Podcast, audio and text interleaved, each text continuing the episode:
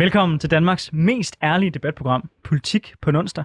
Her inviterer vi hver uge spændende gæster til politisk debat, helt uden spænd og fastlåste politiske positioner. Og hvis du havde forventet neutrale værter, så er det her altså ikke det rigtige sted at tune ind. Ja, for mit navn det er Anders Storgård. Jeg er tidligere landsmand for konservativ ungdom, og så er jeg konservativt kommunalbestyrelsesmedlem på Frederiksberg. Ja, og jeg hedder Sofie Lippert. Jeg stiller op til Folketinget for SF, og så er jeg tidligere landsforkvinde for SF Ungdom. Og den næste time, der kommer vi til at vende ugens vigtigste politiske historier med skarpe gæster. Men vi starter jo altid med os selv.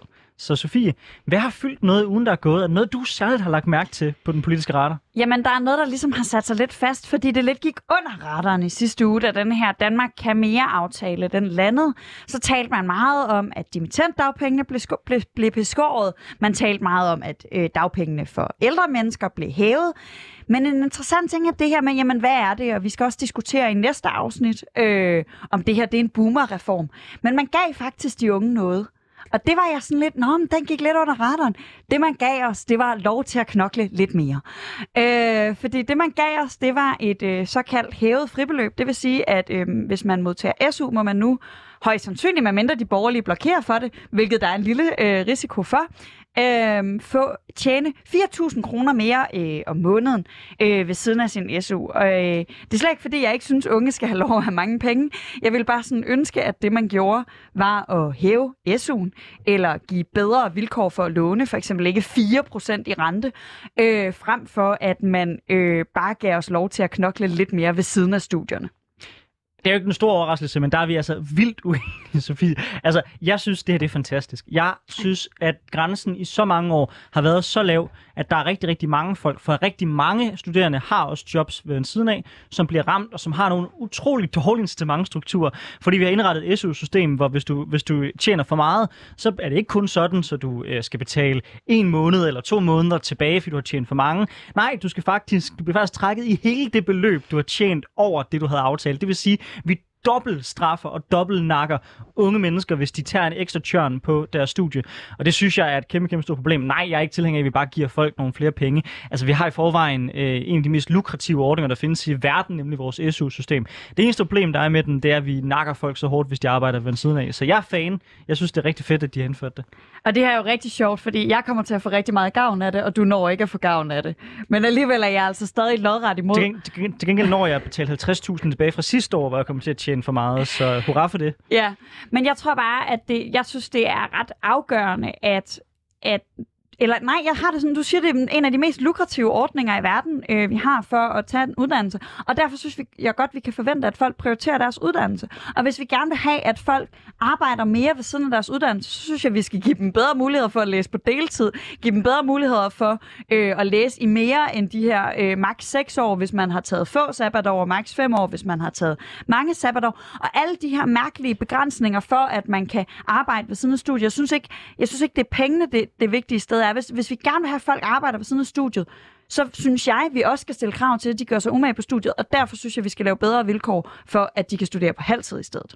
Det er også pengene. Jeg er også enig i, at man kan se på, og, på at gøre det øh, mere muligt at kunne tage længere tid på en studie. Er stået til mig, skulle i virkeligheden bare skære en del af SU'en af, så man, som, som man sagde, okay, hvis, du, hvis din uddannelse tager fem år, så får du SU til de fire år, og så til, til de fem år, øh, og slut færdig. Og hvis du har lyst til at tage 10 år om at færdiggøre din uddannelse, super fint, så skal du bare sørge for, at du tjener penge ved ved siden af. Så vi giver folk til der den nominerede tid, og så må folk sådan finde ud af det selv. Det er meget, meget, meget stærkere tilhænger end det system, vi har i dag, hvor vi ligesom prøver at presse folk hurtigt igennem, og samtidig så giver vi dem øh, i virkeligheden øh, seks år i SU. Det, det, det synes jeg er en forkert vej at gå. Så altså, ja, vi kan fint se på også at gøre det deltid, hvis du er klar til at cutte noget af SU'en af. Mit bud er, at det er du ikke. Ej, jeg synes, vi har cuttet nok. Altså, vi er nået ned på de seks år, men jeg kan sagtens gå med til, at vi holder den der, for så til gengæld at droppe alle de mærkelige andre krav, for eksempel den maksimale studietid. Så jeg tror godt, vi kan nærme os hinanden en smule. Hvorfor ikke, hvorfor ikke bare give folk fem år, og så sige, hvis de har nogle særlige årsager til, at de er blevet forlænget, for eksempel de har været syge eller så videre, så kan de forlænge? Fordi jeg synes, der er alt muligt andet, end at man har været syg. Jeg synes, der er fagpakker, der er alle mulige mærkelige ting, som jeg tror, man har svært ved at finde dispensation for. Men inden vi får besøg af vores øh, skønne gæster, der sidder her uden for studiet, så skal vi også lige nå at høre, hvad der har fyldt for dig den seneste uge. Det er regeringens nye udenrigspolitiske strategi. Surprise, surprise. Æ, øh, fordi at regeringen har nu øh, fremlagt deres længe ventede strategi for, hvordan vi håndterer en verden, hvor Rusland og Kina synes, det kunne være rigtig sjovt at starte 3. verdenskrig. Æ, og noget, der selvfølgelig særligt pisser mig af, det er vores tilgang til Kina, som i klassisk dansk vanlig stil er øh, hammerende skizofren, hvor vi på den ene side siger, at Kina er et autoritært regime, der prøver at udhule vores værdier og har et syn på fundamentale menneskerettigheder, der er afgørende forskelligt fra vores. Og 20 linjer efter i samme strategi taler om, at de er nødvendige partner, og vi bliver nødt til at handle mere med dem, og vi skal jo fortsætte med vores øh, tætte forhold. Altså man må ligesom vælge. Enten så har man et tæt og strategisk forhold med en diktator, der slår sin egen befolkning ihjel, smider folk i koncentrationslejre og truer vores frihed, eller også så fører man en værdiorienteret udenrigspolitik, hvor man står side om side med vores allierede. Man kan ikke gøre begge dele på én gang. Og det, der jo har været tydeligt med den strategi, vi har haft indtil nu, det er, at øh, når vi så blander tingene sammen og siger, at det er lidt det samme, hvad er det så, der i sidste ende altid kommer øverst? Det er vores ønske om at sælge bacon til Beijing. Og det svar, det opgør, det leverer den her nye strategi ikke, og derfor for mig at se, så er den øh, dybt utilstrækkelig. Jamen, jeg, jeg tror... Uh, uh, jeg, jeg må først og fremmest indrømme, at jeg har ikke læst den her strategi. Jeg læste en overskrift i min avis i går, men jeg nåede ikke at læse hele avisen heller. Du kan læse men mit jeg tror, jeg kan læse dit læsebrev også. Men jeg tror, for, jeg, jeg er jo helt vildt enig med dig, og jeg tror også, det er sådan det tit folk er, er meget sådan om, hvad er det, der skiller SF og Socialdemokratiet. Jeg tror ikke, som, der er så mange, der kigger på mig og tænker, hvad er det, der øh, skiller Sofie og Socialdemokratiet. Men SF og Socialdemokratiet er der tit nogen, der spørger mig. Jeg synes, det her det er sådan en ret, øh, et ret hardcore eksempel på, hvad det er, der skiller os ad, fordi jeg virkelig bliver provokeret af, at man mener, man skal gå på kompromis med de her ting. At man mener, at man kan gå ud og sige, at noget er værdibaseret, og så gå ind bagefter og sige, men handel er også vigtigt, og blø, blø, blø, blø, blø. Jeg men, bliver enormt enormt... Altså, jeg mener ikke, at man kan få lov til at være den her idealistiske, øh, liberale verdensordens øh, fortaler, samtidig med, at man så går så, på så mange kompromiser, man gør. Så må man droppe ideen. Altså, hvis man har tænkt sig at gå på de her kompromiser, så må man droppe fortællingen om, at man rent faktisk går ind for en liberal og demokratisk verdensorden. Så må man gå ud og være ærlig og sige, vi synes, det er vigtigere, at vi kan handle med Kina. Men du virkelig, det er den kurs, som SF fører? For det har jeg ikke hørt. Altså, øh, både da I sad i regeringen, og øh, Ville Søvndal var udenrigsminister, der førte I i høj grad også en meget pro-kinesisk øh, udenrigspolitik. Øh, og i virkeligheden også nu, altså jo, Carsten Hønge piper nogle gange lidt fornuftigt, spørger mig. Men det er fordi sådan SF har været dem, der har været de største kritikere af, af, af regeringen på det her punkt. Det har tværtimod været øh, højrefløjen og enhedslisten, der har, der har spillet på den tangent. Så det mener jeg sådan ikke SF, SF har. Men derudover så er jeg sådan set enig med, med meget af det, som du, som du siger. Der ligger grundlæggende valg her. Nej, Hvad er vigtigst? Ja, ja, og spørgsmålet med det der med, hvornår SF er kritisk. SF er aldrig kritisk nok. Altså, jeg, jeg tager stilling til, hvad mener SF? Og jeg tager stilling til, hvad mener partierne? Jeg gider ikke den der, øh, sådan, når, hvornår er SF ude og sige noget grimt om regeringen i medierne, for det er de ikke, fordi det er en strategi, de lægger, at det er ikke den måde, de kører på, og bla bla bla bla bla. Det er sådan set ikke en debat, jeg gider at tage, fordi du siger selv af og til piper Carsten Hønger. Det er jo det, der er SF's holdning. Det er jo det, at Carsten Hønge piper. For Carsten Hønge er vores udenrigsordfører.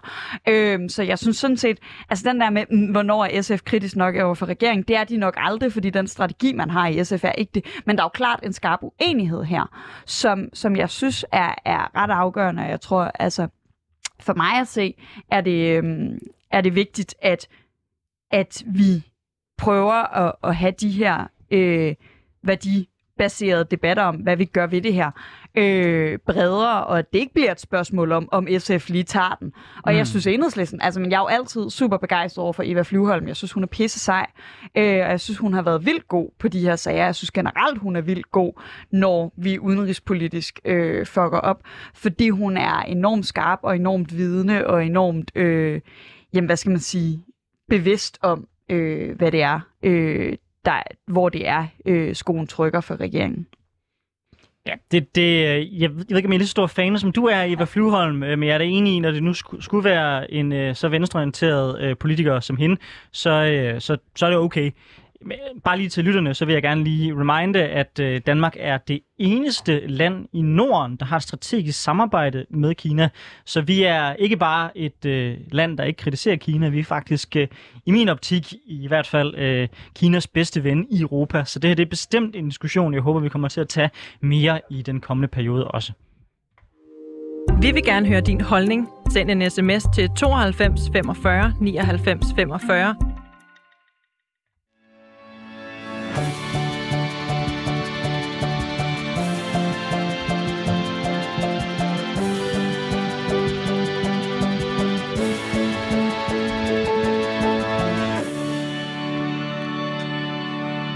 Og nu har vi fået besøg af nogle fantastiske gæster her i studiet. Øh, det er øh, simpelthen tre skarpe ungdomspolitikere, der i dag skal udfordre Sofie og jeg, og være med til at skabe en interessant dialog. Øh, den første gæst, jeg vil byde velkommen til, det er dig, Thomas Nørgaard. Du er liberal og medlem af Liberal Alliance, øh, og så øh, har du tidligere også været en rimelig markant stemme i Liberal Alliances Ungdom. En liberal løve her i studiet. Velkommen til. Hvad, Ja, har, hvad har fyldt noget for dig i den øh, seneste uge, der er gået? Øh, ja, hvad har fyldt meget, det har jo sådan noget som Danmark kan mere, for eksempel. Ja, hvad Øhm, synes du egentlig om det? Jamen, jeg synes, at det er jo øh, spændende, den måde, som regeringen har, har forsøgt at prøve at, at lande noget, dels med, med de røde partier og DF, hvor at øh, udlandsk arbejdskraft jo så stadig står ud, og hvordan den rigtige blå opposition så vil forsøge at, at takle det. Altså, det, det er jo en diskussion, vi skal have i den næste time også, men jeg vil egentlig også bare gerne spørge dig så. Altså, lavere dagpengestuderende, højere grænse for, hvor meget folkepensionister må tjene, sænkelse af elafgiften, øh, lavere midlertidig beløbsgrænse for udlændinge og højere beskæftigelsesfradrag. Det lyder sgu egentlig rimelig borgerligt. Hvorfor, øh, hvorfor står LA udenfor? Jo, men det er sådan set også øh, ganske fint, men, men der jo ligger et eller andet spørgsmål i, hvorvidt vi skal være med til at øh, finansiere øh, gaverne til fagbevægelsen. Så det er simpelthen bare det, der, der, det der er dealbreakeren. De kunne ikke komme med noget, der var borgerligt nok til, at du vil acceptere Nå, det. altså man kan sige, hvis regeringen får nogle af sine mærkesager igennem, hvilket den jo gør mm. i forhold til at, at tilgodese fagbevægelsen, både noget med, med fradrag og, og hæve øh, dagpengebeløbet, så kunne regeringen jo så også bare have valgt at give de blå partier nogle af deres mærkesager med. Det ville jo sådan set være meget rimeligt. Så hvis man Der fik noget på topskattegrænsen eller op- selskabsskatten. Jeg synes bare lige, at jeg har opremset en hel del borgerlige mærkesager, af afgifter, beskæftigelse, fradrag og så Jo, jo. Det er jo klassisk Ja, ja, borgerlige men hvis man snakker om i forhold til, hvad pengene skal bruges på. Pengene bliver brugt på at give penge til fagbevægelsen, eller gaver til fagbevægelsen, så kunne man også have brugt nogle penge på at lette skatten. Det er en debat, som vi kommer til at tage i det næste program også, og jeg glæder mig. Som, som I kan høre, så er jeg allerede mere end klar til det. Men vi skal også have vores øh, socialistiske ven på banen her. Det er dig, Emil Samaras. Du er medlem af Rød Grøn Ungdom. Hvad fylder noget på jeres politiske radar i den uge, der er gået? Jeg, ja, tak, velkommen. Jeg taler mest for mig selv. Jeg, øhm, På Frederiksberg Gymnasium lige nu, så er der en gymnasieelev, der hedder Misti, som står til at blive udsendt på søndag, hjemsendt til Indien, øhm, som ikke er hendes hjemland mere, men som har været det. Og det synes jeg er ret forfærdeligt. Så øhm, det har fyldt meget for mig i går, og jeg er i gang med at arrangere noget solidaritetsdemonstrationer og prøve at få nogle lokale medier i spil. Heldigvis så har Ekstrabladet og mener også TV2 i dag øh, dækket hendes sag. Jeg synes, det er ret forfærdeligt. Og rapporterne, øh, som, øh, som jo er her på, øh, på kanalen, skal det lige siges, også for at gøre lidt reklame for dem. Øhm, hvorfor er det her en sag, der rammer dig særlig hårdt? Nu nævner du, at hun er øh, fra Frederiksberg, hvor du også har været opstillet som kandidat. Øhm, men er der, er, der, er der noget særligt ved den her sag, som adskiller den fra andre sager, vi har beskæftiget os med? Altså, det er mit gamle gymnasie, men det kan jeg vel ikke øh, holde mod nogen.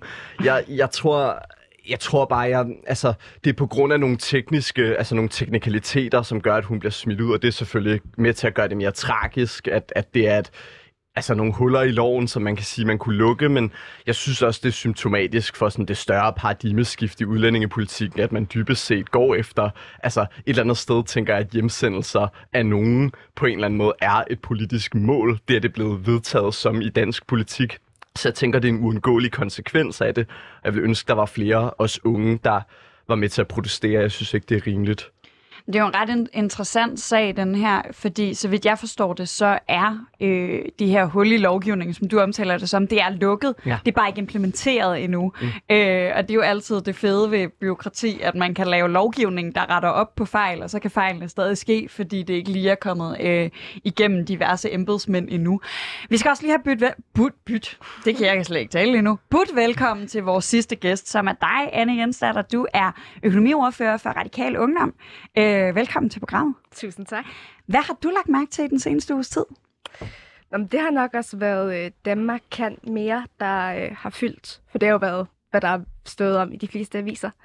Øhm, jeg synes, det var virkelig ærgerligt, at Blå Blok er gået med til at diskriminere på baggrund af, hvilket land man kommer fra, hvorvidt man kan komme til Danmark og arbejde, og man ikke bare lader det være op til virksomhederne selv, om de vil ansætte en ingeniør fra Ægypten eller fra Spanien.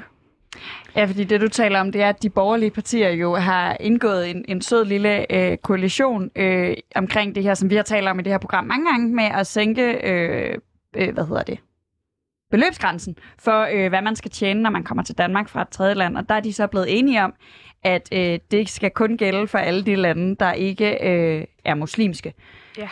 Øh, Så skulle Radikale Venstre have stået sammen med Venstre Konservative, så var vi igen i den Altså nu situation. snakker jeg øh, heldigvis ikke for Radikale Venstres folketingsgruppe, men jeg tror, at det er ret tydeligt, og det har de også været ude rigtig mange gange at sige, at de vil jo gerne samarbejde med højrefløjen, også præcis på det område. Øhm, Jeg synes også, det har været virkelig ærgerligt, at blandt andet Alex Vanopslag fra LA har været ude flere steder på Facebook og sige, at man kan ikke samarbejde med de radikale. Der er flere sådan, folketingspolitikere, der er gået ud, både fra Venstre og de konservative, og sagt, at når det kommer her til allersidst, så kan man jo ikke samarbejde med de radikale. Som radikale Venstre egentlig hele tiden har sagt, vi vil jo gerne samarbejde om det her. Det synes jeg også lige, vi har fået bevist, at de ikke vil. Thomas, er det særlig liberalt at gå ind for, at øh, Nej. man gerne vil have ansatte til, bare ikke dem fra Mellemøsten? Nej. Okay. Hvor, hvorfor har LA så valgt at gå med til det? Fordi de vil nye borgerlige have, og det har de åbenbart fået. Okay. Og Jeg der... tænker ikke, vi behøver at pakke det mere ind.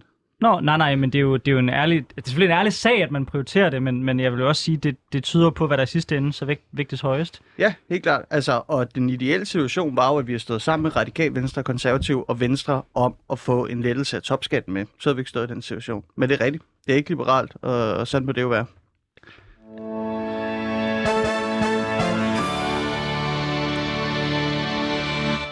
Du lytter til Politik på en onsdag med Anders Storgård og Sofie Lippert, og vi har i dag besøg af Thomas Nørgaard fra Liberal Alliance, Anne Jensdatter fra Radikal Ungdom og Emil Samaras fra Enhedslisten og Rød Grøn Ungdom. I dag der skal vi tale om en aftale, vi egentlig troede var lukket for længe siden. Nemlig aftalen om minimumsnummeringer. Og mere specifikt om den del af aftalen, der forbød private dagtilbud at trække profit ud.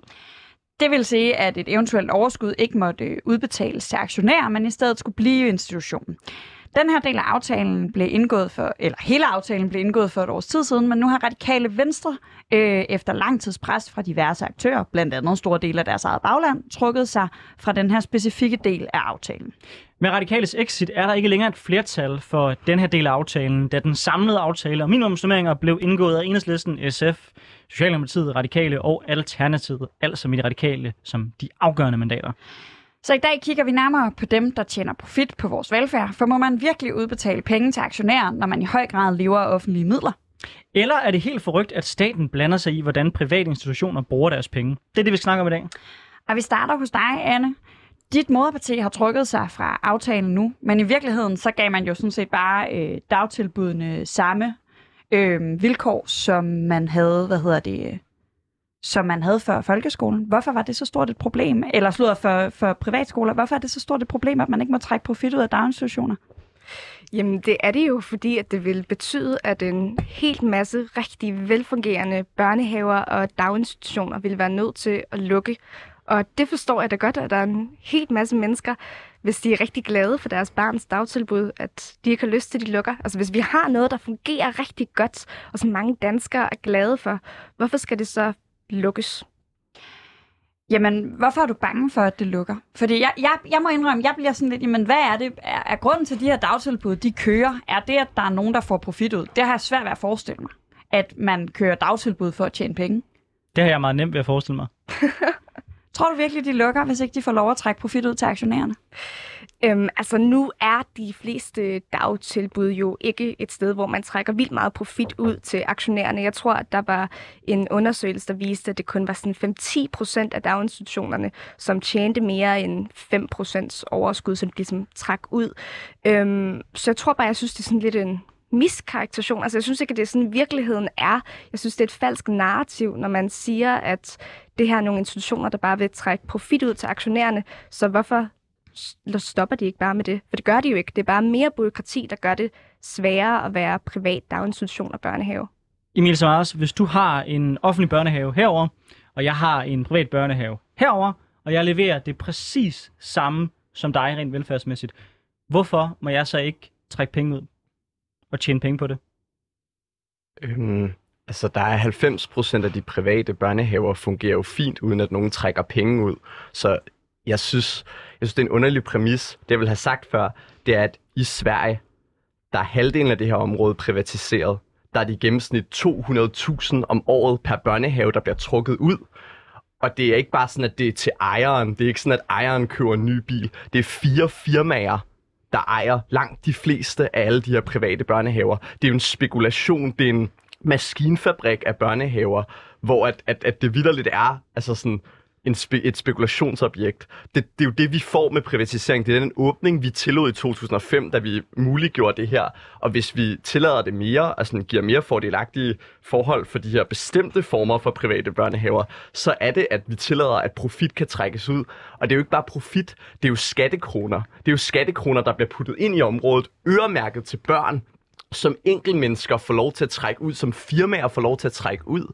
Jeg synes, det er mærkeligt, at vi har en blå blok. Venstre siger, at det kan betale sig at arbejde. Liberal Alliance går ind for nedskæringer for, for at stoppe byråkratiet i den offentlige sektor. Nye Borgerlige har en hel side med stop fros, men ingen af dem har lyst til at adressere det åbenlyse fros, det er, at man tillader, at firmaer får lov til at stikke af med offentlige skattekroner.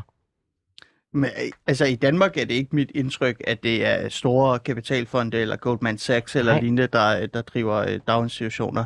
Og nu sagde du 200.000 per daginstitution, det tror jeg også, det er i Danmark. Der var der i hvert fald en undersøgelse for, for Børne- og Ungdomsministeriet, øh, der kom frem til, 200.000 er jo ikke særlig meget. Og øh, jeg læste om et, øh, et par, mener jeg det var, som der, der driver en privat daginstitution i forbindelse med den her undersøgelse, der sagde, at de satte deres løn meget lavt, deres grundløn i løbet af året.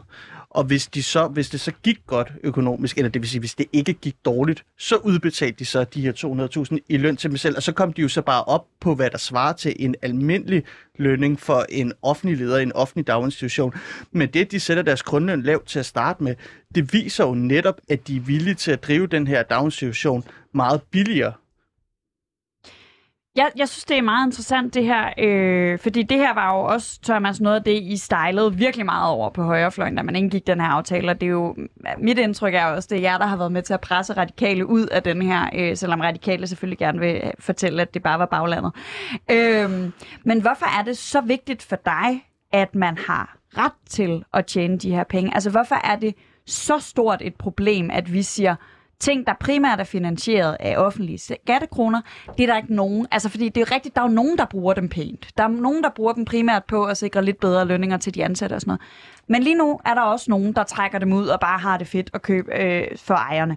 Hvorfor er det vigtigt, de skal have lov til det, Thomas? Det, det er rigtigt, at, øh, og, og nu, nu indledte jeg jo med at kritisere radikalt, så, så nu vil jeg så, også gerne lige kvittere for det omvendt. Men jeg vil egentlig stille spørgsmålet om, fordi jeg synes på en eller anden måde ikke, at det er mig, der skal redegøre for, hvorfor det er så vigtigt. Hvorfor er det så vigtigt, de ikke må? Altså det afgørende for mig er jo bare nogen, der tilvælger noget, noget velfærdsservice, som de er glade for, og så længe der er frit valg, det må være det afgørende, så længe at forældrene kan tage deres gode tøj og deres børn i øvrigt og, og gå, så, så kan jeg ikke se, hvis det så skulle lykkes at lave en børnehave, som forældre og børn er glade for, så kan jeg ikke se, hvorfor de ikke skulle må.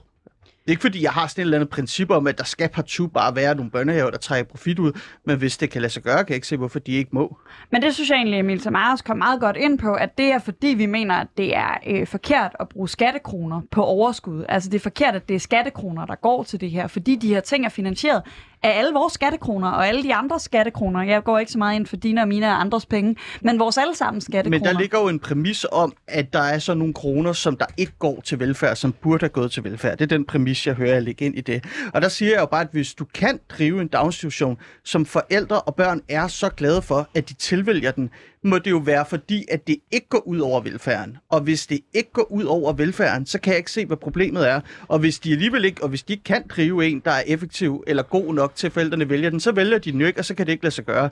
Så uanset hvad, så kan jeg ikke se problemet. Enten er der god nok velfærd, og så får de lov til det, eller også er der ikke god nok velfærd, og så kan de jo ikke gøre det. Jeg tror, vi kommer tilbage til den her principielle disku- diskussion senere øh, i det her afsnit også. Øh, men jeg vil egentlig starte også lige med, med, med at høre dig, Anne. Så, altså, hvad har forandret sig fra de radikale, øh, fra man indgik aftalen, til man nu har trukket sig? Hvis det ikke er det blå pres, øh, så kan man godt nok sige, måske er det baglandet. Men, men kunne man ikke godt sige, at, at I burde måske have set, at resultatet af det her, det vil være, at, øh, at mange af de her institutioner vil lukke, og der vil være en konsekvens?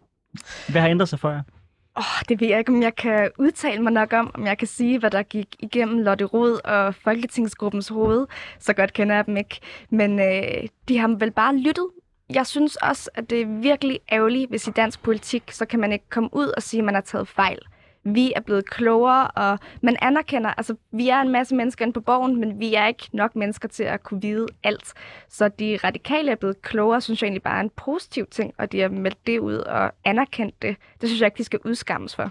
Det her er jo også noget, som øh, radikal ungdom faktisk har talt ret meget om i forhold til, det måske ikke er sådan den oplagte lige ned i målgruppen mærkesag. Øh, og det gør ungdomspolitikere øh, generelt meget, og det går jeg ind for, at selvfølgelig skal man ikke kun tale om ting, der er relevant for unge. Øh, men, men hvorfor tror du, at I har i radikal ungdom synes, det var så vigtigt at pre- presse jeres moderparti på den her sag? Altså i Radikal Ungdom er vi generelt virkelig glade for friskoler øhm, og for den mangfoldighed, der kommer fra private institutioner. Vi er virkelig glade for, at man i Danmark ikke har en så tyk skillelinje, som man ser i nogle andre lande, med at man har nogle private institutioner, som kun er for alle de rige børn og alle dem, som har råd til at betale 80.000 kroner om året, for at deres børn kan gå på en Rudolf Steiner skole. Øh, men at vi i Danmark ligesom har ret mange forskellige sociale lag, der har råd til at gå i børnehaver og vuggestuer og friskoler.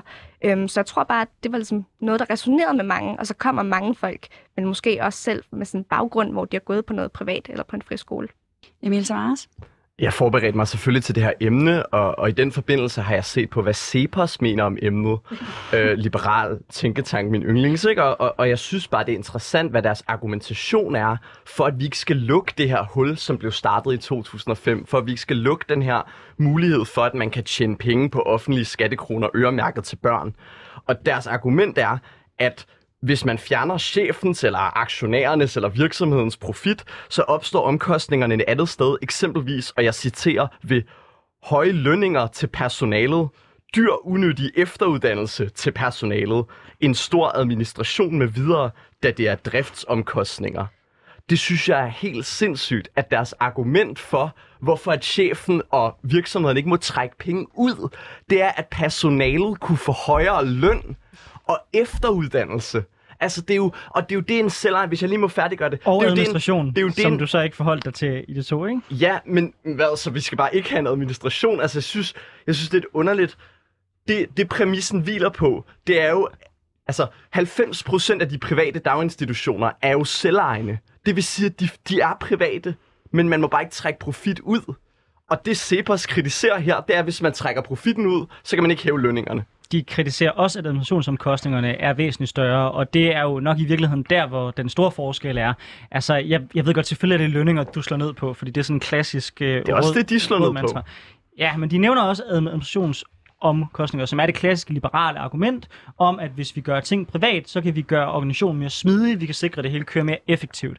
Er der en pointe i, at hvis man ikke er underlagt de samme regler, og man ikke er inde i det offentlige byråkrati, så kan man nogle gange bare gøre ting mere øh, administrativt let? Så hvis du har øhm, en offentlig virksomhed, som fungerer dårligt eller drives dårligt, fordi der ikke er konkurrence nok, så plejer de liberale svar at være, vi skærer ned. Fordi så er de tvunget til at bruge pengene mere effektivt. Jeg er ikke altid overbevist om, det virker. Fordi hvis de til at starte med ikke kunne drive virksomheden effektivt, så tænker jeg, at nedskæringer må give nogle store problemer. Men her er jeg svar det omvendte. Hvis de ikke kan drive det godt nok, men så er det okay, at chefen trækker penge ud af virksomheden.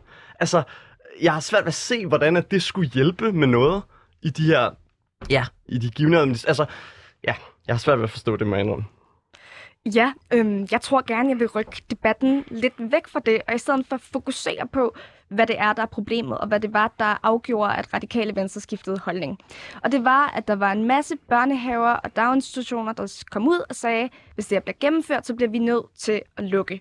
Jeg synes, at det er ærgerligt, at vi snakker om den lille procentdel, som måske trækker noget profit ud, og hvorvidt det er etisk eller ej, og vi ikke bare kigger på det konkrete, nemlig der er nogle daginstitutioner og nogle børnehaver, der bliver nødt til at lukke, og det kommer til at være rigtig problematisk for mange børnefamilier.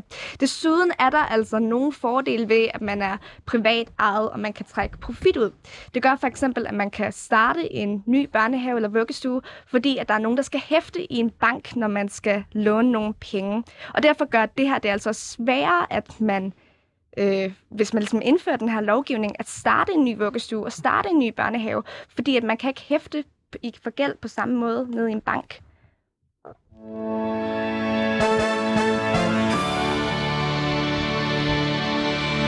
Du lytter til Politik på en onsdag med Anders Storgård Filibert, hvor vi i dag besøger Thomas Nørgaard, Anne Jensdatter og Emil Samaras fra henholdsvis LA, RU og Ø. og øh, det vi har en debat om, det er, hvorvidt man må tjene penge på offentlig velfærd. Ja, for efter radikaler har trukket sig fra en del af aftalen om minimumsnormeringerne, der handler om at trække profit ud af daginstitutioner, debatterer vi i dag, om det skal være muligt at tjene penge på vores fælles velfærd. Traditionelt taler de, de liberale om at rykke mere velfærd over på private hænder, mens venstrefløjen for alt i verden vil holde så meget som muligt inden for den offentlige sektor. I forbindelse med aftalen om minimumsnormeringer udtaler både Enhedslisten og SF, øh, at punktet om at forhindre daginstitutioner i at trække profit ud var afgørende for aftalen, fordi et øget tilskud ikke skulle gå til aktionærerne. Emil Samaras, øh, grundlæggende, så har du allerede været inde på det. Men øh, hvorfor er det så vigtigt for jer, at daginstitutionerne ikke er private? Og grunden til at spørge ind til det er også, fordi for mig virker det til, at I anlægger øh, sådan en, et nulsumspils tankegang her, hvor at, øh, hvor at kronerne, hvis de går til nogen profitmæssigt, så er det penge, der ellers skulle være gået til at sikre bedre velfærd. Men er der ikke en pointe i, at lige så vigtigt som det er, hvor mange penge man afsætter til ting, lige så vigtigt er det også, hvordan man bruger pengene. Og hvis jeg kan bruge pengene bedre og mere effektivt end dig, så er der jo faktisk ikke nogen, der får en dårligere velfærd ved at trække profit ud. Så bare først vil jeg bare lige anfægte det, du sagde i starten. Der er jo ikke nogen her, der ikke synes, at der skal være private børnehavetilbud. 90% af de nuværende private børnehavetilbud, og men der er mange, de fungerer som selvejende institutioner. Det betyder, at man ikke kan trække profit ud, men at de ellers er selvstyre. Så jeg er all in for det private tilbud, fordi al forskning viser, at det er, et, øh, det er noget, som forældre er gladere for. Altså det anerkender jeg fuldt ud, at lige pt. så kører det private jo på præmisser, som er gladere, altså som gør forældrene gladere. Det gør dog, at jeg har svært ved at forstå, hvorfor at man er så, sådan, hvorfor, hvorfor vil man beholde de 10 procent, som får mulighed for at trække profit ud? Hvorfor er det ikke fint Fordi Emil, 90? fordi Emil, at det ofte er sådan på et, på et, på et privat marked, at hvis nogen for eksempel er rigtig driftig, mm. rigtig gode til deres, til deres virksomhed, for eksempel du har en restaurant, mm. den kører pissegodt, Ja. så oparbejder du et overskud, der gør, at du kan starte en ny restaurant. Så har du en ny franchise, der gør, at folk synes, det er fedt, fordi du har været særlig god til at lave en model, der virker. Hvorimod, hvis det hele er decentralt, det hele er små enheder, så kan du ikke overføre erfaringer på samme måde. Ja. Så hele ideen med at trække profit ud, er jo netop, at du får startet flere af de her institutioner, som folk tydeligvis er vilde med. Det er jo ikke, fordi forældrene står med faklerne ude Ja, og, så, og ja. siger, luk lortet. Ja, jeg synes ikke, vi skal have en franchise med børn. Og al forskning viser jo Hvorfor også, ikke? at grunden, fordi al forskning jo også viser, at grunden til, at folk er glade for de små private institutioner, det er, fordi de er små. Det er, fordi de er lokale. Det er, fordi de er personlige. Bliver de store, så vil der komme de samme problemer, som der er i de offentlige institutioner. Og så synes jeg også, man skal anerkende, at grunden til, de private institutioner overhovedet eksisterer, grunden til, at de må trække profit ud, det er jo på grund af de borgerlige beslutning. De kunne sagtens eksistere uden at trække profit ud. Men grunden til, at de overhovedet eksisterer, det er jo en konsekvens af nedskæringer i kommuner, hvor et offentlige skoler er nødt til at lukke. Og det er jo igen blå politik, der har ført til det problem.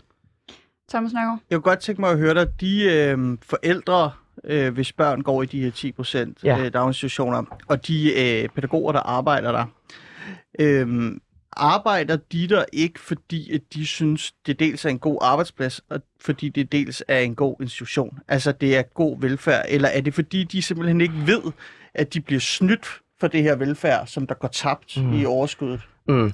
Øhm, altså nu har jeg nogle venner i fagbevægelsen, og de giver mig nogle penge i lommen, og så får jeg lov til at sige, hvad, hvad, hvad de mener. Ej, det er for sjov. Men, men, men, men jo, selvfølgelig gælder det for mange af dem. Men vi kan også se, at der er et problem i nogle af de private institutioner med, at der er pædagoger, lærere ansatte, som ikke får lige så høj løn som i det offentlige. Og det er jo et problem, og det er jo fordi, at du ikke altid kan vælge dit job. Emil, altså, tager du Okay, det job, så lad os bare få. tage, børn, så lad os der- tage jeg, børnene. jeg, jeg tror, jeg skal bryde ind her, for jeg har lidt afgørende spørgsmål. Emil Samars, anerkender du, at der er mangel på pædagoger i Danmark lige pt? Ja. Okay, hvis der er mangel Ja. på pædagoger, øh, hvorfor er det, de her folk, der arbejder der, så ikke tilvælger en af de mange muligheder, der er for at arbejde i det offentlige så i stedet for? Det kan jeg simpelthen ikke svare på. Og hvad, hvad så Men, med men for- umiddelbart tænker jeg, at det har noget at gøre. Undskyld, jeg kunne svare på det alligevel. jeg skulle lige tænke i to sekunder. Altså det her med, at de private institutioner grundlæggende tit er mindre, hyggeligere, mere personlige. Man får en tættere forbindelse. Men det er de jo ikke i et vakuum. Det er de jo fordi, at de offentlige skoler altid tager læsset. Det er altid så... dem, der får shit. Det er altid dem, der får lort. Og så de private kan stå der og være, "Men vi har de gode dagtilbud. Fint Kan du nok." bevise altså, det? Kan du bevise, at de, at de private løfter et mindre socialt ansvar, end de offentlige gør? Altså, det gør de jo rent proportionalt i samfundet, løfter de jo et mindre. Det er 22.000 børn, der er i private institutioner, men jeg er ikke i tvivl om, at de gør et kæmpe stykke arbejde for de 22.000 børn. Det har jeg da ikke sagt andet. end. Men jeg mangler svar på, hvorfor har forældrene deres børn i de der 10 procent daginstitutioner? Det har jeg da svaret på. Det er fordi, at de er gladere, mere tilfredse, det er mere personligt, Godt. det er mere privat. Og det er derfor, vi skal have selvejende institutioner, så profitten ikke kan trækkes ud og bruges til spekulanter. Jeg kunne godt tænke mig at prøve at løfte det her lidt tilbage til det principielle, fordi når vi er i daginstitutionerne, så øh, både Anne og øh, Thomas gerne have mig til at tro på, at, at der er en masse, der lukker, hvis vi gør det her. Og jeg har vil godt... Jeg har ikke sagt noget. Nej, nej, nej, det er rigtigt, det har du ikke sagt. Anne vil have de lu- eller tror, de sige. lukker. Men man kan ikke Så- lave flere. Nej.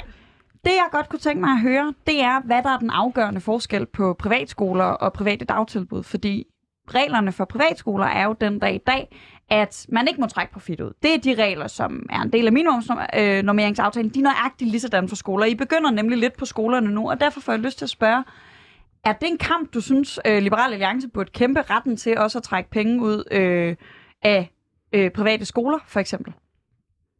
Øh, jeg, jeg ser ikke lige noget behov for det lige øh, her. Jeg ved ikke, om vi hvor mange skoler vi har der. Det har vi vel ikke, der trækker overskud. Nej, for det må man slet ikke. Altså i dag er det sådan, at men, det må man slet nej, ikke med men private jo- skoler, man må ved de det, private det, altså, det er nok ikke det, der lige står. øh, Jeg synes, det er, det er en spændende idé, hvil- hvilke muligheder, der kunne ligge i det. Men nej, det er ikke lige det. Men altså, nej. Det, altså, men, men, men jeg vil umiddelbart forsvare det, der er. Så det er Og mere... det, der er lige nu, det er 10% daginstitutioner, der fungerer godt, som bliver tilvalgt af de ansatte, fordi at der er øh, no- noget, et bedre arbejdsmiljø i forhold til dokumentationskrav, i forhold til, at man kan få lov at eksperimentere med nye pædagogiske stilarter, og der er nogle forældre og nogle børn, som der synes, de får en god service. Så det vil jeg gerne forsvare, før jeg begynder at udvide privatisering til andre områder. Men så vil jeg for en sjælden gang skyld, så tage det mest højorienterede standpunkt i det her studie, og så sige ganske, ganske klart, ja, selvfølgelig skal det også fjernes. Jeg er fløjtende ligeglad med, hvorvidt ting det er offentligt eller privat. Det, der interesserer mig, det er, at borgerne får den bedst mulige velfærd til den laveste omkostning. Men spørgsmålet er jo ikke, om det er offentligt eller privat. Altså, og det tror jeg i virkeligheden er, er en Jo, frustration, som jo. Emil også luftede. Det bliver jo ikke offentligt af, at du siger, at der ikke må trækkes prof- profit ud. Nej, men hvis du, hvis du, hvis du siger, at der gerne må trækkes profit ud, så skaber du også incitament til, at der er nogle aktører, der kan gå ind og begynde at lave investeringer. For eksempel i at sikre, at vi får nogle langt bedre børnehaver, nogle langt bedre skoler. Så har folk pludselig interesse i at investere. Og er der noget sted, hvor jeg gerne vil have folk investere, så er det det i vores børn. Ja, og det er jo ikke, altså, det er jo ikke en investering, som, som om, at man skal have forrentet noget, noget kapital. Det er i hvert fald ikke sådan, jeg ser de private børnehaver, der trækker overskud ud. Det har jo noget at gøre med, at det kræver nogle penge at starte sådan en institution, og det er jo klart, at de penge skal du på en eller anden måde have tjent ind igen. Anne, tænker du, at den næste kamp for ra- radikale ungdom, nu har I taget den her kamp om at øh, få radikale venstre ud af den her aftale, skal den næste kamp være, at skolerne også skal have lov at trække profit ud? Nej, der tænker jeg, at der er en del andre vigtige sager. Øhm, og det er nok også fordi, at if it ain't broken, don't fix it. Altså som systemet er lige nu, så fungerer det jo ret godt. Øh, hvis privatskolerne pludselig kommer og siger, at vi vil gerne kunne trække profit ud, så kan det jo være, at vi skal gå ind og kigge på den lovgivning. Men øh, Men fungerer det rigtig godt? Altså, øh, vores øh, karakter i det her land er faldende. Øh, vores øh, konkurrenceevne i forhold til andre lande, hvis man ser på, hvor, hvor, hvor meget børn i de lande lærer, er faldende. Altså, synes du, vores skolesystem fungerer flyvende? Nej, jeg synes ikke, at vores skolesystem fungerer flyvende, men øh, jeg er heller ikke sikker på, at den måde, man bare fikser det, det er ved, at man siger, at skoler kan være private og trække overskud ud. Jeg siger ikke, at det måske ikke også kan være en løsning. Jeg er ikke afvisende over for det. Jeg siger bare, at det bliver Jeg ikke siger, min næste mærke. jeg siger heller ikke, det er en løsning. Jeg siger bare, at man skal være åben over for os den Jamen, løsning. det, siger jeg, det er jeg også, men øh, lige nu så vil jeg rigtig gerne fokusere på, hvad kerneproblemet er. Vi har nogle skoler, der ikke klager vildt meget. Vi har nogle børnehaver og daginstitutioner, der er begyndt at råbe op og sige, det her kommer til at ramme os, hvis vi ikke være søde at lade være med det. Emil Samaras. Jeg vil gerne fokusere på konsekvenserne af den her specifikke form for privatisering. Jeg ved ikke, hvor mange af jer, der har set den TV2-dokumentar, som handler om ungdomsherberger, eller sådan steder for udsatte, ikke herberger, det er steder for udsatte unge, øh, boliger, som de kan bo i og få hjælp til at komme af med stofafvinding osv. Den, den sektor er jo delvist privatiseret, og man har hørt de her historier. Nej, lyt, jeg færdiggør bare lige pointen.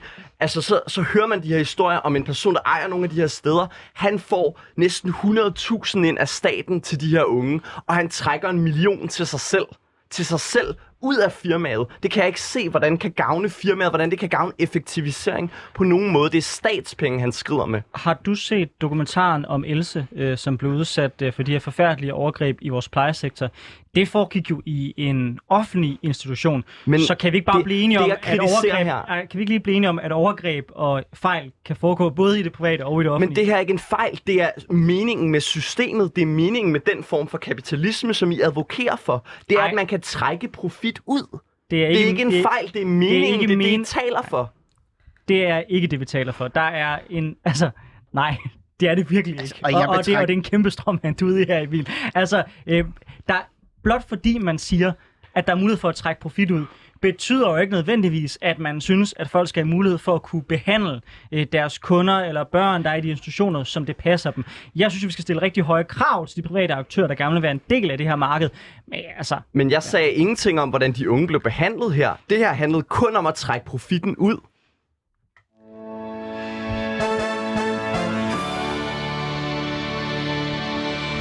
Du lytter til Politik på en onsdag med Anders Storgård og Sofie Lippert, hvor vi i dag har besøg af Thomas Nørgaard fra Liberal Alliance, Emil Samaras fra Enhedslisten og Anne Jensdatter fra Radikal Ungdom. Vi diskuterer, om private velfærdsudbydere må tjene profit på deres arbejde, når det primært finansieres af offentlige midler. Og Emil han var allerede inde og finde skrækeksempler. Jeg har også fundet et af de aller værste, fordi i 2020 kom det frem, at Erik og jeg har virkelig glædet mig til at sige det her, for jeg ved ikke, om han hedder Filtut eller Filthut, øh, men han hedder sådan noget, øh, havde hævet 53 millioner kroner ud af de børnehjem, han ejer. Derefter havde han solgt dem for 130 millioner kroner, og hvert år havde han også vurderet, at han selv som direktør for de her børnehjem skulle have en årsindkomst på 2 millioner kroner. Så alt i alt så blev Erik Filthut, øh, Filtut øh, stinkende rig på at eje børnehjem finansieret af skattekroner. Det der er selvfølgelig et fuldstændig absurd tilfælde, men der findes flere eksempler, hvor ejere institutioner helt eller delvist er finansieret af offentlige midler, og hvor de trækker mange millioner ud. Så spørgsmålet er, om der skal trækkes en grænse i sandet. Thomas Nørgaard, synes du, at der skal være en eller anden form for grænser for, hvor meget man må tjene på at drive institutioner for vores allesammens skattekroner? Altså, hvad jeg sige, det der adskiller sig fra øh, sådan nogle øh, døgnopholdsinstitutioner øh, institutioner, og for, formentlig også for børnehjem, uden jeg kender den her sag, og så for de her 10% daginstitutioner, vi snakker om, det er jo, at forældre hver dag går ned og afleverer deres børn, og de har ret til at flytte dem ud igen. Altså de, de unge, som der er, er øh, indlagte, eller, eller hvad man kalder sådan noget, eller henvist til at bo på sådan en døgninstitution, kan jo per definition ikke bare forlade den, og jeg tænker, det gælder det samme for, for børn på et børnehjem. Så jeg synes sådan set ikke, at det er, øh, at man kan sammenligne det med det, vi snakker om i dag. For så længe der er frit valg, så kan du altid flytte dig, hvis det er, at du ikke oplever, at du får en ordentlig service. Og i forhold til det her med kapitalisme, ja, selvfølgelig det at trække overskud ud af kapitalisme. Jeg tror så lige, de her institutioner er det dårligste eksempel på det, som, som man måske forsøger sådan karikeret og, og, og fremstille som, som kapitalisme. Jeg tror virkelig ikke, man bliver, tjener særlig mange penge på at drive privat daginstitution i Danmark. Hvis man gerne vil køre i store biler, så tror jeg, at man skal finde sig en anden branche. Men det synes jeg er ret interessant, øh, den her skælden, og jeg synes, det er fordi her til sidst, så prøver jeg sådan lige om vi, fordi nu har vi været meget i hver vores ringhjørne, jeg prøver lige at se sådan, jamen hvad er det egentlig, fordi du virker faktisk til at synes, det er ret afgørende, at det, fri, øh, at det frie valg skal være en del af det, hvis nogen skal t- trække profit ud. Det at frie valg regulerer det i hvert fald helt automatisk. Regulerer og helt automatisk, at vi får en høj kvalitet. I andre situationer med døgninstitutioner osv., så bliver der jo nødt til at være et tilsyn. Det gør der øh, sådan set både med private og offentlige, før vi kan sikre på, at der er en kvalitet. Men det frie valg er jo en garanti for i hvert fald en vis grad af, af kvalitet. Ellers vil man jo ikke mm. være der. Anne, øh, jeg vil også gerne have dig på banen i det her spørgsmål. Øh, I har jo så nu sagt, at I trækker ikke grænsen ved, at man i de her private børneinstitutioner har mulighed for at kunne tjene penge, men jeg antager, at du i det tilfælde, vi nævner her, trækker grænsen.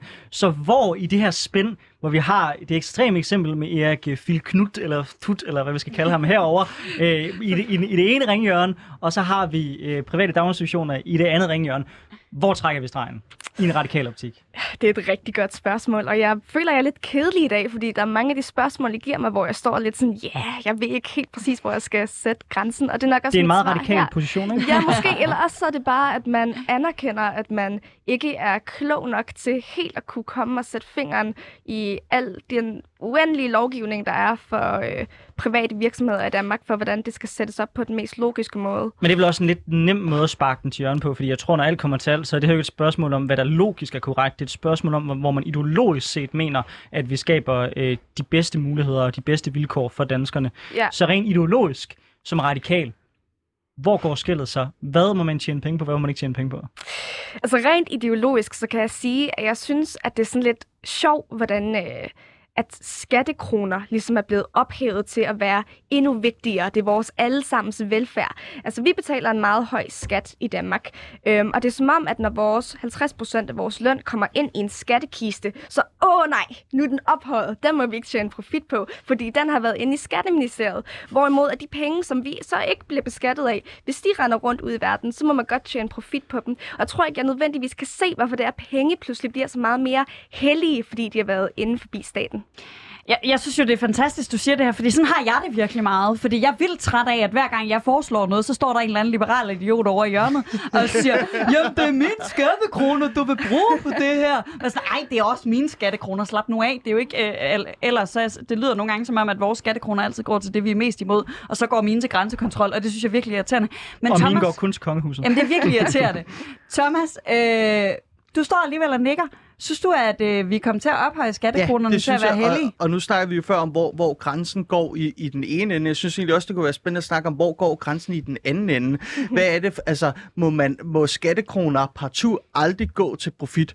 Fordi hvis man, hvis man øh, tænker det eksempel ud, mm. altså i Danmark har vi jo for eksempel en masse offentlige ydelser. Vi har ligesom vedtaget, hvis du er arbejdsløs, så skal du øh, opretholde en, en vis form for livsstil via kontanthjælp. Det kommer fra skattekroner. Det går man jo ned, og det har man jo et forbrug øh, for i private virksomheder. Du går ned i et privat supermarked og tager mad ned af hylderne. Der er jo nogle supermarkeder, som der laver en profit på vores velfærd. Det er også, der er jo også øh, vindmølleproducenter og så videre, der laver profit på vores, på vores grønne omstilling. Så der er jo mange... Felt, der kører vores ambulancer. Ja, præcis.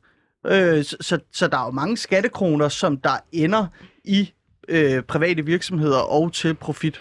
Emil, du er ved at eksplodere herovre i det venstreorienterede hjørne, så jeg vil hellere give ordet til dig. Ej, undskyld, men jeg, jeg synes bare, at det der var et rigtig, rigtig godt argument for, hvorfor vi skal have en offentlig velfærd. Øh, det, det gavner Skal vi netop... have statslige supermarkeder?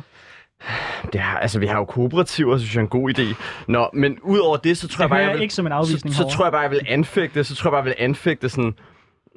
Altså, jeg synes, altså, det ved jeg ikke, Lone Dybkær, som var den radikale ordfører, der var med til at, og, eller sådan, der, der var, ja, der var aktiv dengang, at i 2005, da det her blev stemt igennem, hun kaldte det noget af det mest ideologiske længe, og der mente hun på en dårlig måde, fordi hun ikke ville stemme for det, fordi at det tydeligvis åbner sådan der, nogle ret dårlige ting i vores fælles infrastruktur, så jeg tror bare, jeg vil lytte til hende. Jeg Men- har, men hvor jeg har, grænsen? Jeg har mit, Hun er desværre død. mit men... yndlingscitat, der faktisk er sagt af en kinesisk kommunist, som jeg gerne lige vil fremlægge for dig i det her spørgsmål.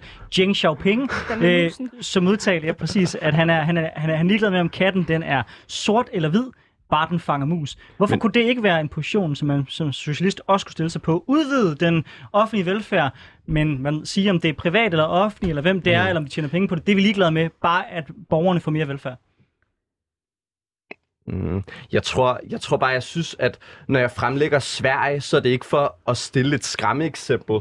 Så er det fordi, at der, vi kan se nogle reelle konsekvenser af privatisering. Det er ikke bare et neutralt valg, hvor oh, vi tillader lige at tage noget profit ud. Der er nogle reelle konsekvenser ved det her lovgivning, og vi kan ikke lade som om, at, det, at der ikke er det. Men i Danmark er der jo ikke de her konsekvenser. Nej, det er fordi området ikke er stort nok jo. Og vi ser jo de her eksempler, som godt nok er skræmmeeksempler, men jeg lover jer, at jeg har travlet mange af dem igennem, og jeg har bare valgt øh, Erik Filtut, fordi han var den værste af de værste. Men, men der er godt nok mange, der har tocifrede millionbeløb, og de trækker ud af forskellige institutioner. Så, så er det så neutralt, som, som I gerne vil have det, lyder, Anne?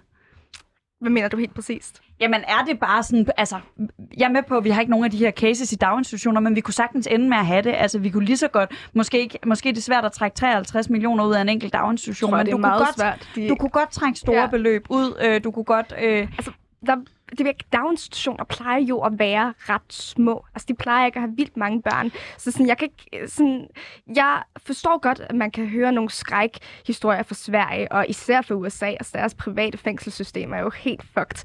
Øh, men jeg kunne rigtig godt tænke os, at vi lovgav ud for danske tilstande. At vi kiggede på, hvordan fungerer det faktisk. Og nu står vi her og siger, at der er altså en masse helt små private børnehaver, vuggestuer, som siger, hvis I gennemfører den her lovgivning, så kan vi være lukningstroet. Og det synes jeg, at så skal man ligesom lytte til det. Og hvis vi så kommer til det en dag, hvor der pludselig er daginstitutioner, der kan, der kan trække 53 millioner ud, så kan det være, at vi skal til at øh, lukke et hul i lovgivningen. Men sådan, hvis det problem ikke er der endnu, hvorfor lovgiver vi så imod det? Det føles som sådan mavefornemmelses lovgivning. Altså sådan en catchy phrase, du må ikke tjene penge på vores velfærd, hvor sådan, jamen, hvis folk er glade for det, hvorfor så lukke det? Men jeres argumenter har også, både dine og Anders' argumenter har været, at, vi skal, at folk skal have mulighed for at starte nye institutioner, at mm-hmm. vi, folk skal have mulighed for at bygge kæder, og så vokser de jo. Så er det ikke bare Emil Samaras og jeg og resten af SF og Enhedslisten, der er ude i ordentlig tid, inden vi får sådan nogle store kæder, hvor man tjener mange penge på, på at lave daginstitutioner? Oh, jeg ved ikke, om jeg har argumenteret for, at det skal være mulighed for at skabe kæder, vuggestuer og børnehaver. Øhm, altså sådan, jeg tror bare, at så vil jeg gerne vente til det tidspunkt.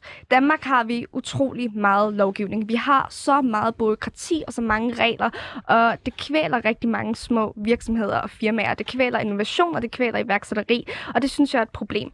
Øhm, så ikke flere regler, hvis der ikke er et kæmpe stort problem. Hvis problemet ikke er der, hvis problemet bliver, at der er en masse børn, der ikke kan gå i den vuggestue, de gerne vil, hvorfor så gennemføre den her lovgivning?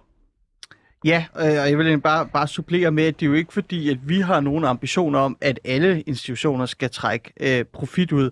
Øh, og jeg har sådan set faktisk ikke nogen præferencer for, hvor stor en andel det skal være, i modsætning til folk, der mener, at det skal være nul. Jeg siger bare, at hvis der kan være en lille andel, der kan gå ind og supplere det resterende marked på 90 procent, eller det kan være, at det skal ned på 80, det, det, må, det må forældrene jo sådan set øh, bestemme.